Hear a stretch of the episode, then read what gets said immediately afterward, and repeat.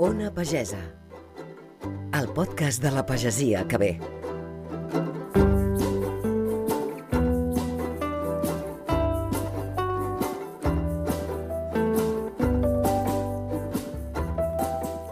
La gran revolució del segle XXI és la feminista, per molt que els vells esquemes es resisteixin a donar pas al nou món. Però el cert és que darrere dels canvis més profuns de la societat sempre hi sentim la veu de les dones que moltes vegades ocupen espais que els homes menyspreaven, els reinventen i els tracen un nou futur. Això passa de manera evident en el sector primari, cada cop liderat més per dones.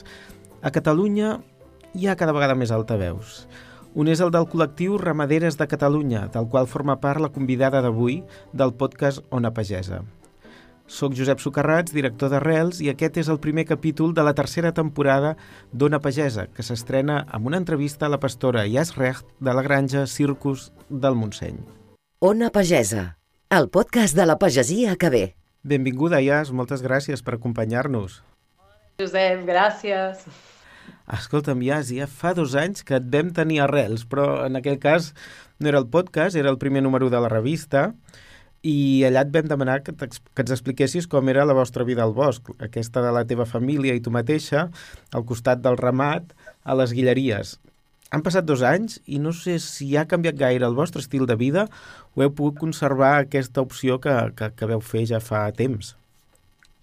Bé, primer felicitats, perquè dos anys que han passat i dos anys que, que la revista es manté d'en peus. Gràcies. I això s'ha de celebrar molt. Gràcies. I nosaltres també, o sigui, sector primari i editorial, eh, anem lluitant mà a mà, no? I tant, sí, sí, sí. Eh, pues la nostra vida, no, jo diria que no ha canviat eh, gaire i això està molt bé. Està molt bé, és un equilibri molt fràgil, el de la petita pagesia, que sembla com, bueno, no m'agrada molt aquest adjectiu, però és així. I, i si no hem hagut de canviar moltes coses és que, que anem bé, anem tranquils. Que aneu bé i que, i que el projecte que havíeu imaginat doncs té, és viable i té futur. Han sigut dos anys... Sí, de moment.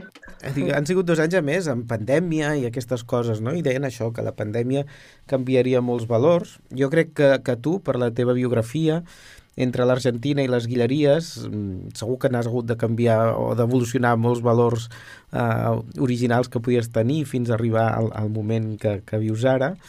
I, però trobes que la societat és prou valenta per canviar aquests valors prepandèmics que semblava que els havíem de donar la volta com un mitjó i que no sé si ho hem aconseguit gaire? Eh, no ho sé, la veritat. eh, no sé si com a col·lectiu com a gran massa, no? jo crec que això no, no, no s'ha vist uh -huh. eh, en el seu moment i no s'està veient i cada cop queda com més dissipada i més com més bandida aquesta idea, aquest, aquest foc de canvi. Però bueno, jo, a mi m'agrada creure, com totes les persones que són molt esperançades, és que en, en els individus eh, sí que està sí que hi és aquest foc. I a partir d'això, no? això que diuen dels petits canvis, doncs d'aquestes petites individualitats que al final ens anem trobant, bueno, sí, però jo no crec que la, la gran massa encara no... No sé, sembla que no, que no ens hem, no ens hem entre nosaltres mateixos sacsejat prou, no? No sé mm. què ens fa falta, però semblaria que no, semblaria que no. Uh -huh. No sé, també hi ha molts, hi ha com un, una cosa, diguem-ne, operativa molt gran i molt forta de, del sistema que, que ens, lamentablement, que, ens, que encara ens fa de, de taló, no?, per veure el rerefons uh -huh. de moltes coses i de poder lligar i veure que, que tot i tots estem, estem lligats i som corresponsables de, de les coses bones, però sobretot també de les desgràcies, no? Clar, amb el teu company Albert és això, que ja fa uns anys veu trobar la, la manera d'aplicar en aquesta individualitat, la vostra, eh, que comentaves de les individualitats, doncs veu trobar la manera de viure en la natura, de treballar amb la natura, no? a través d'aquest ramat que teniu, mm, veu arribar, doncs, veu trobar aquest acord doncs, per gestionar 80 hectàrees de bosc i pastura, i jo penso, aquesta parella que tenien una altra vida, que, bueno, mica a mica anava canviant, però no us va fer impressió enfrontar-vos a, això, no? 80 hectàrees i un ramat i un canvi de vida tan, tan profund?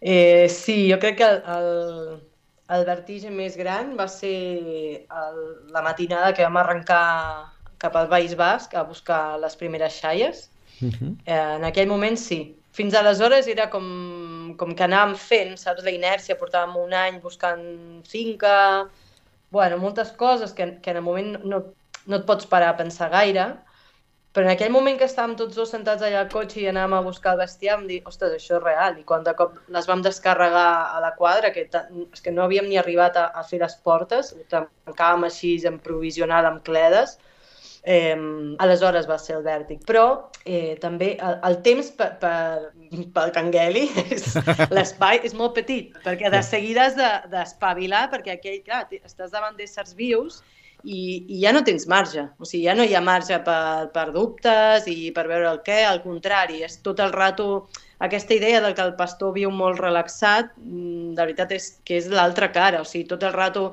no et dic que vas esverat, però sí que estàs en alerta i, i pendent tot el rato per aquelles altres vides de les quals tu depens i que depenen de tu. Clar, clar, o sigui, no tenir l'estrès de la ciutat no vol dir que et passis el dia espaterrat al sol. Exacto, és, és una altra manera, clarament és molt diferent, eh, però sempre hi ha una pressió, sí, sí, i crec que és aquesta pressió que, que tots vivim al llarg del dia, que és la d'un mateix.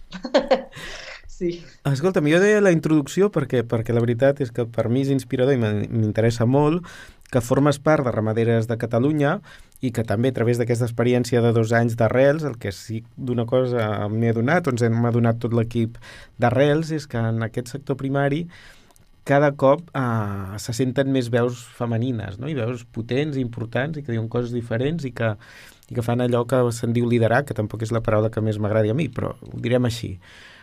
I jo em pregunto, potser aquesta revolució feminista que estem sentint a poc a poc en tants llocs del món, comença per aquí, per l'agricultura i la ramaderia, que eren, que eren sectors una mica oblidats.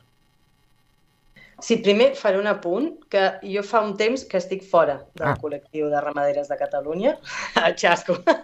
Bé. No, estic fora perquè, per res en particular, jo necessitava com centrar molt la meva energia a casa meva i en mi, i, i per aquest fet eh, no estic més vinculada, però tinc moltes companyes i amigues que, que encara en formen part. Uh mhm. -huh. I sí, o sigui, hi ha, hi, ha, hi ha això que dius, aquesta, aquesta empenta o aquestes ganes, com a mínim, de dir, bueno, no de dir prou, però de dir estem aquí, eh, és real, i, i potser de, de, de fer un, com de sentar un poc de precedente no? per, per les generacions que, que poden venir per darrere però la realitat també del sector, eh, sobretot a les que ens coneixem i ens mobilitzem, tant de l'agricultura com, com al voltant de, de la ramaderia, eh, és que no tenim temps. O sigui, no hi ha ni temps ni espai físic eh, com per poder-nos expressar prou i ve molt lligat també al que et deia al principi, no? Tots aquests sistemes són mm. tan petits i tan fràgils que hi hem d'estar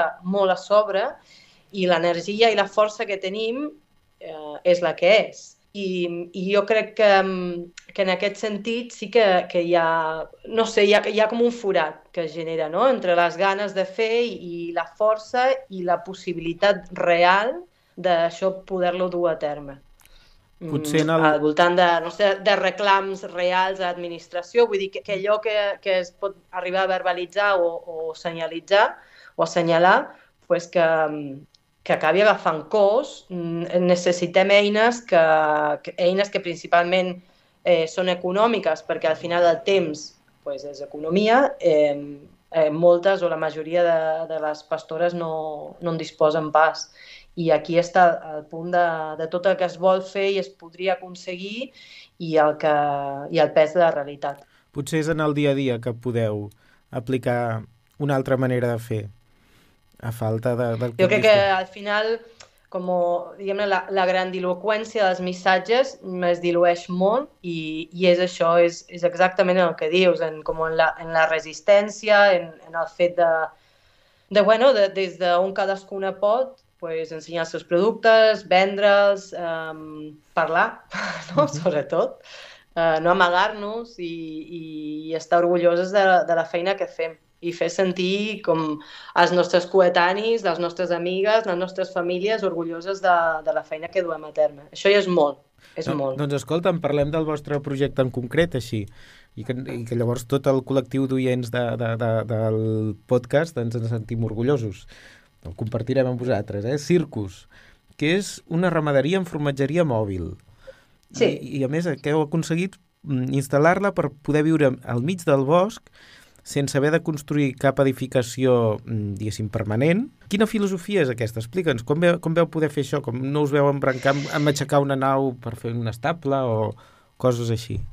Bueno, eh, jo crec que la filosofia, primer que, que, bueno, que evidentment és, és molt identitària de, de nosaltres, no? com qualsevol projecte de feina i vida. I, per una altra banda, també és una mica el que vam anar...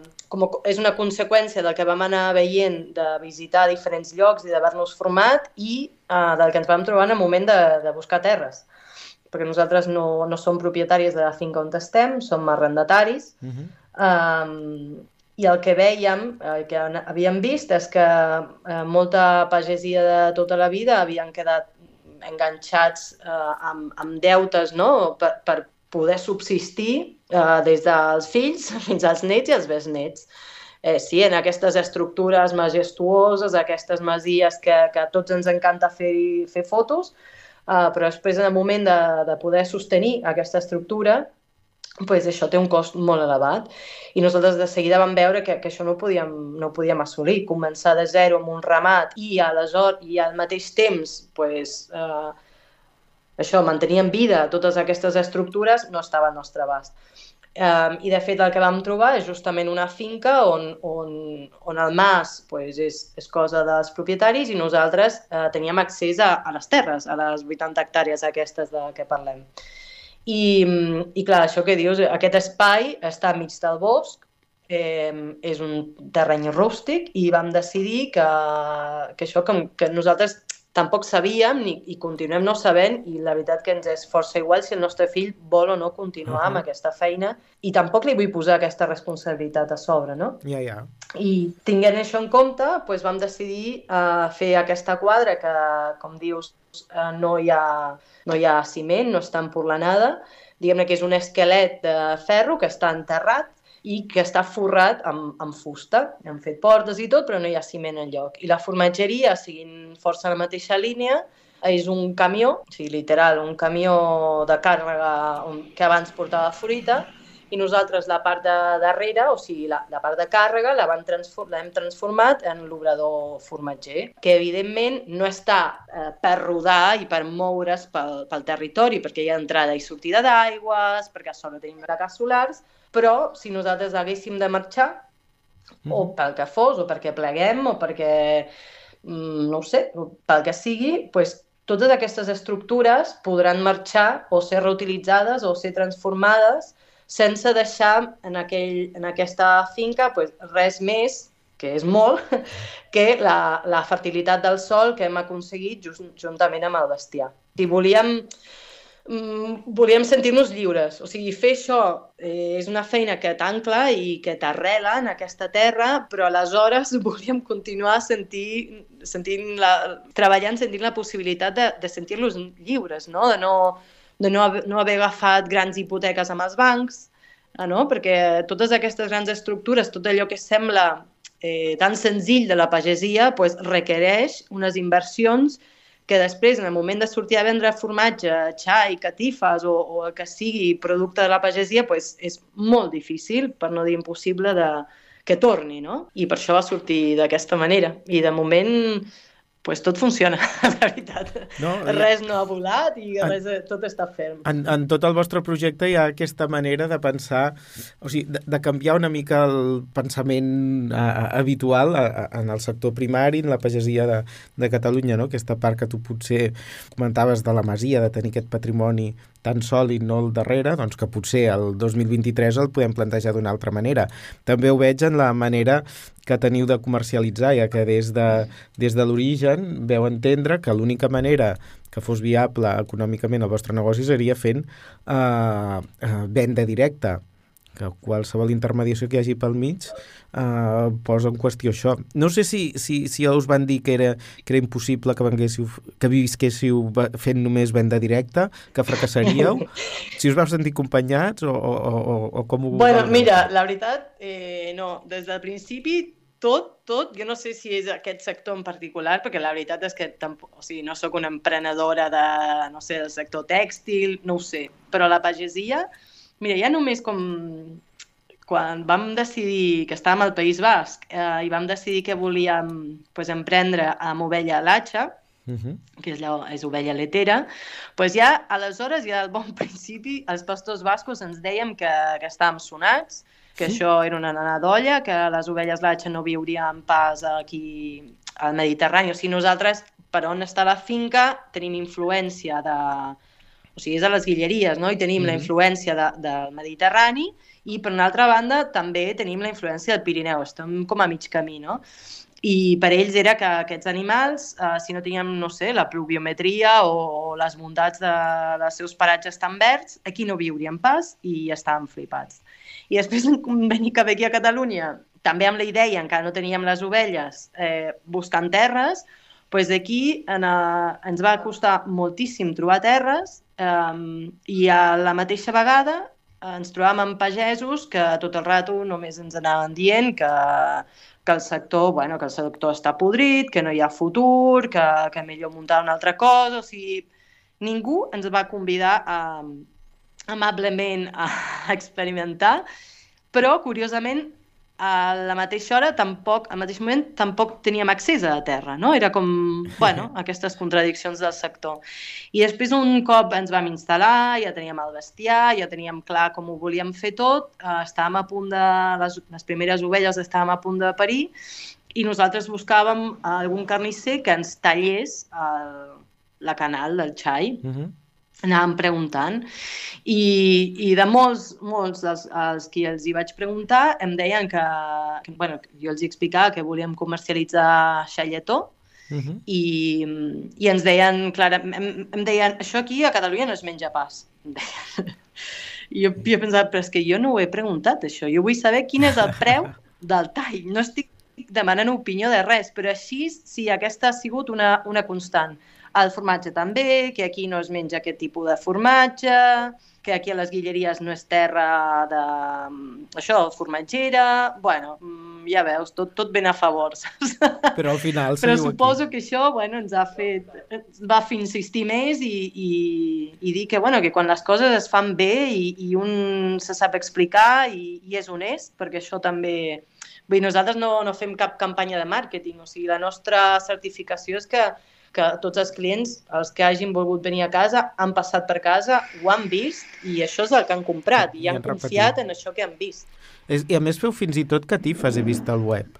Sí, perquè quan portem el xalletó a, a, pel sacrifici, Uh, des del primer any vam decidir que ens emportaríem les pells per, bueno, per fer catifes. Eh, també això també ens van dir que, sí, que no tenia cap mena de sentit, que l'escorxador ja ens podia pagar uns cèntims, literal, uns cèntims.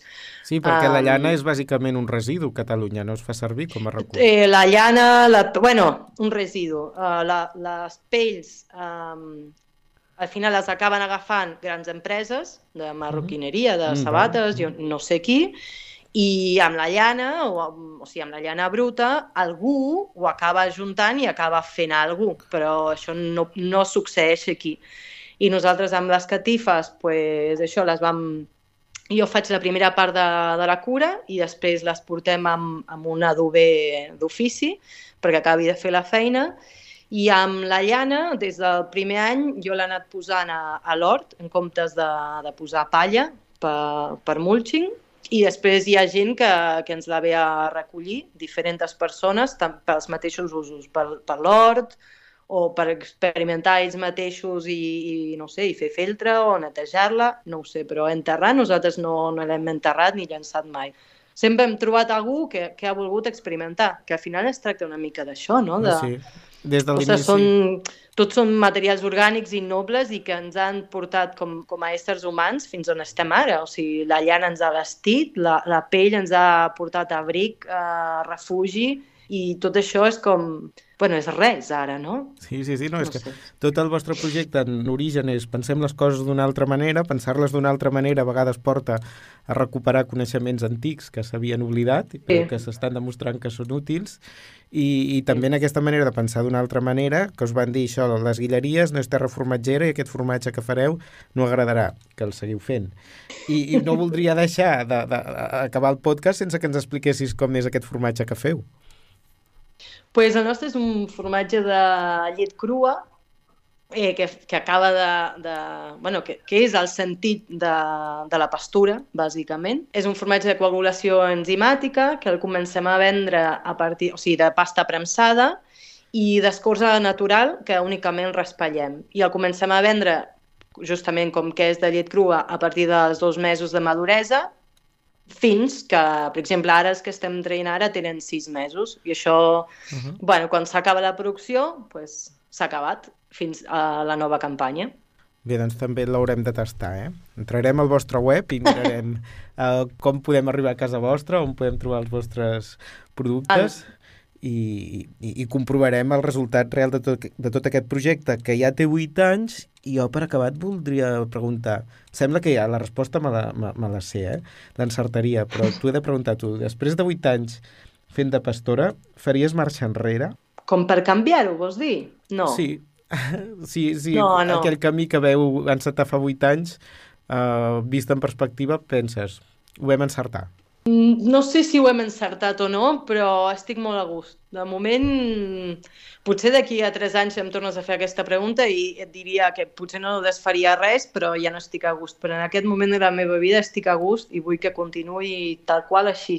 Així. Doncs que, Manteniendo la línia sin sobresaltos. Doncs que tot el temps que duri aquest projecte, que duri aquesta opció de vida, uh, que d'una manera o altra jo crec que, que, que s'anirà mantenint, uh, doncs que la disfruteu molt, tant tu com l'Albert, com el vostre fill i com la I gent tant. que, que menja els vostres productes. Pues moltíssimes gràcies, Josep. Merci. Moltes gràcies, Ias, i uh, espero que ens trobem ben aviat a les Guilleries. I tant, a vosaltres i llarga vida. Molt bé. Una abraçada. Igualment. Però ara toca desplaçar-nos a les terres de Lleida, Pirineu i Aran, perquè des d'allà la periodista Eva Claus Ostival ens explicarà en cada capítol experiències de transformació del món rural. Amb tu, transformem el territori. Un espai ofert pel Patronat de Promoció Econòmica de la Diputació de Lleida.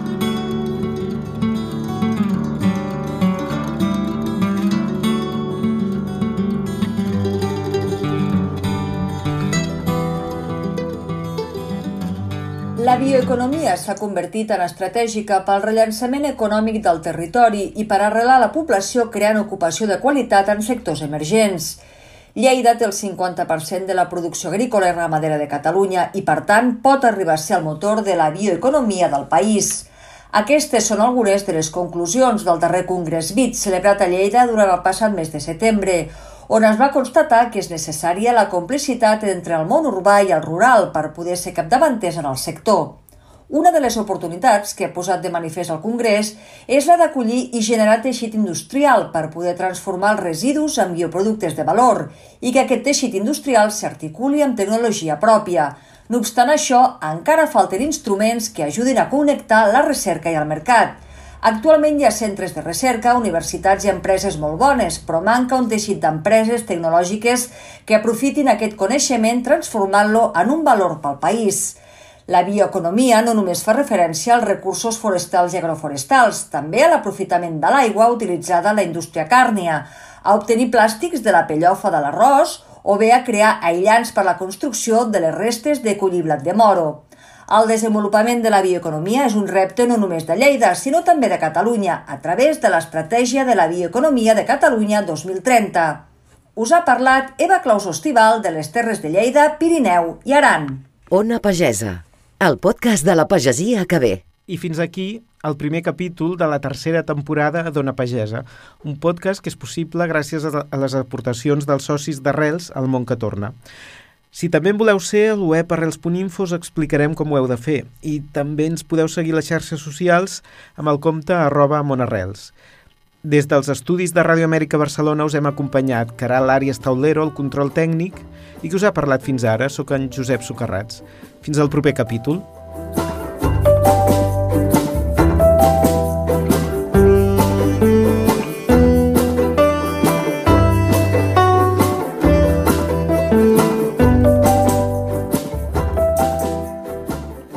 Aquest podcast compta amb el suport del Departament d'Acció Climàtica, Alimentació i Agenda Rural.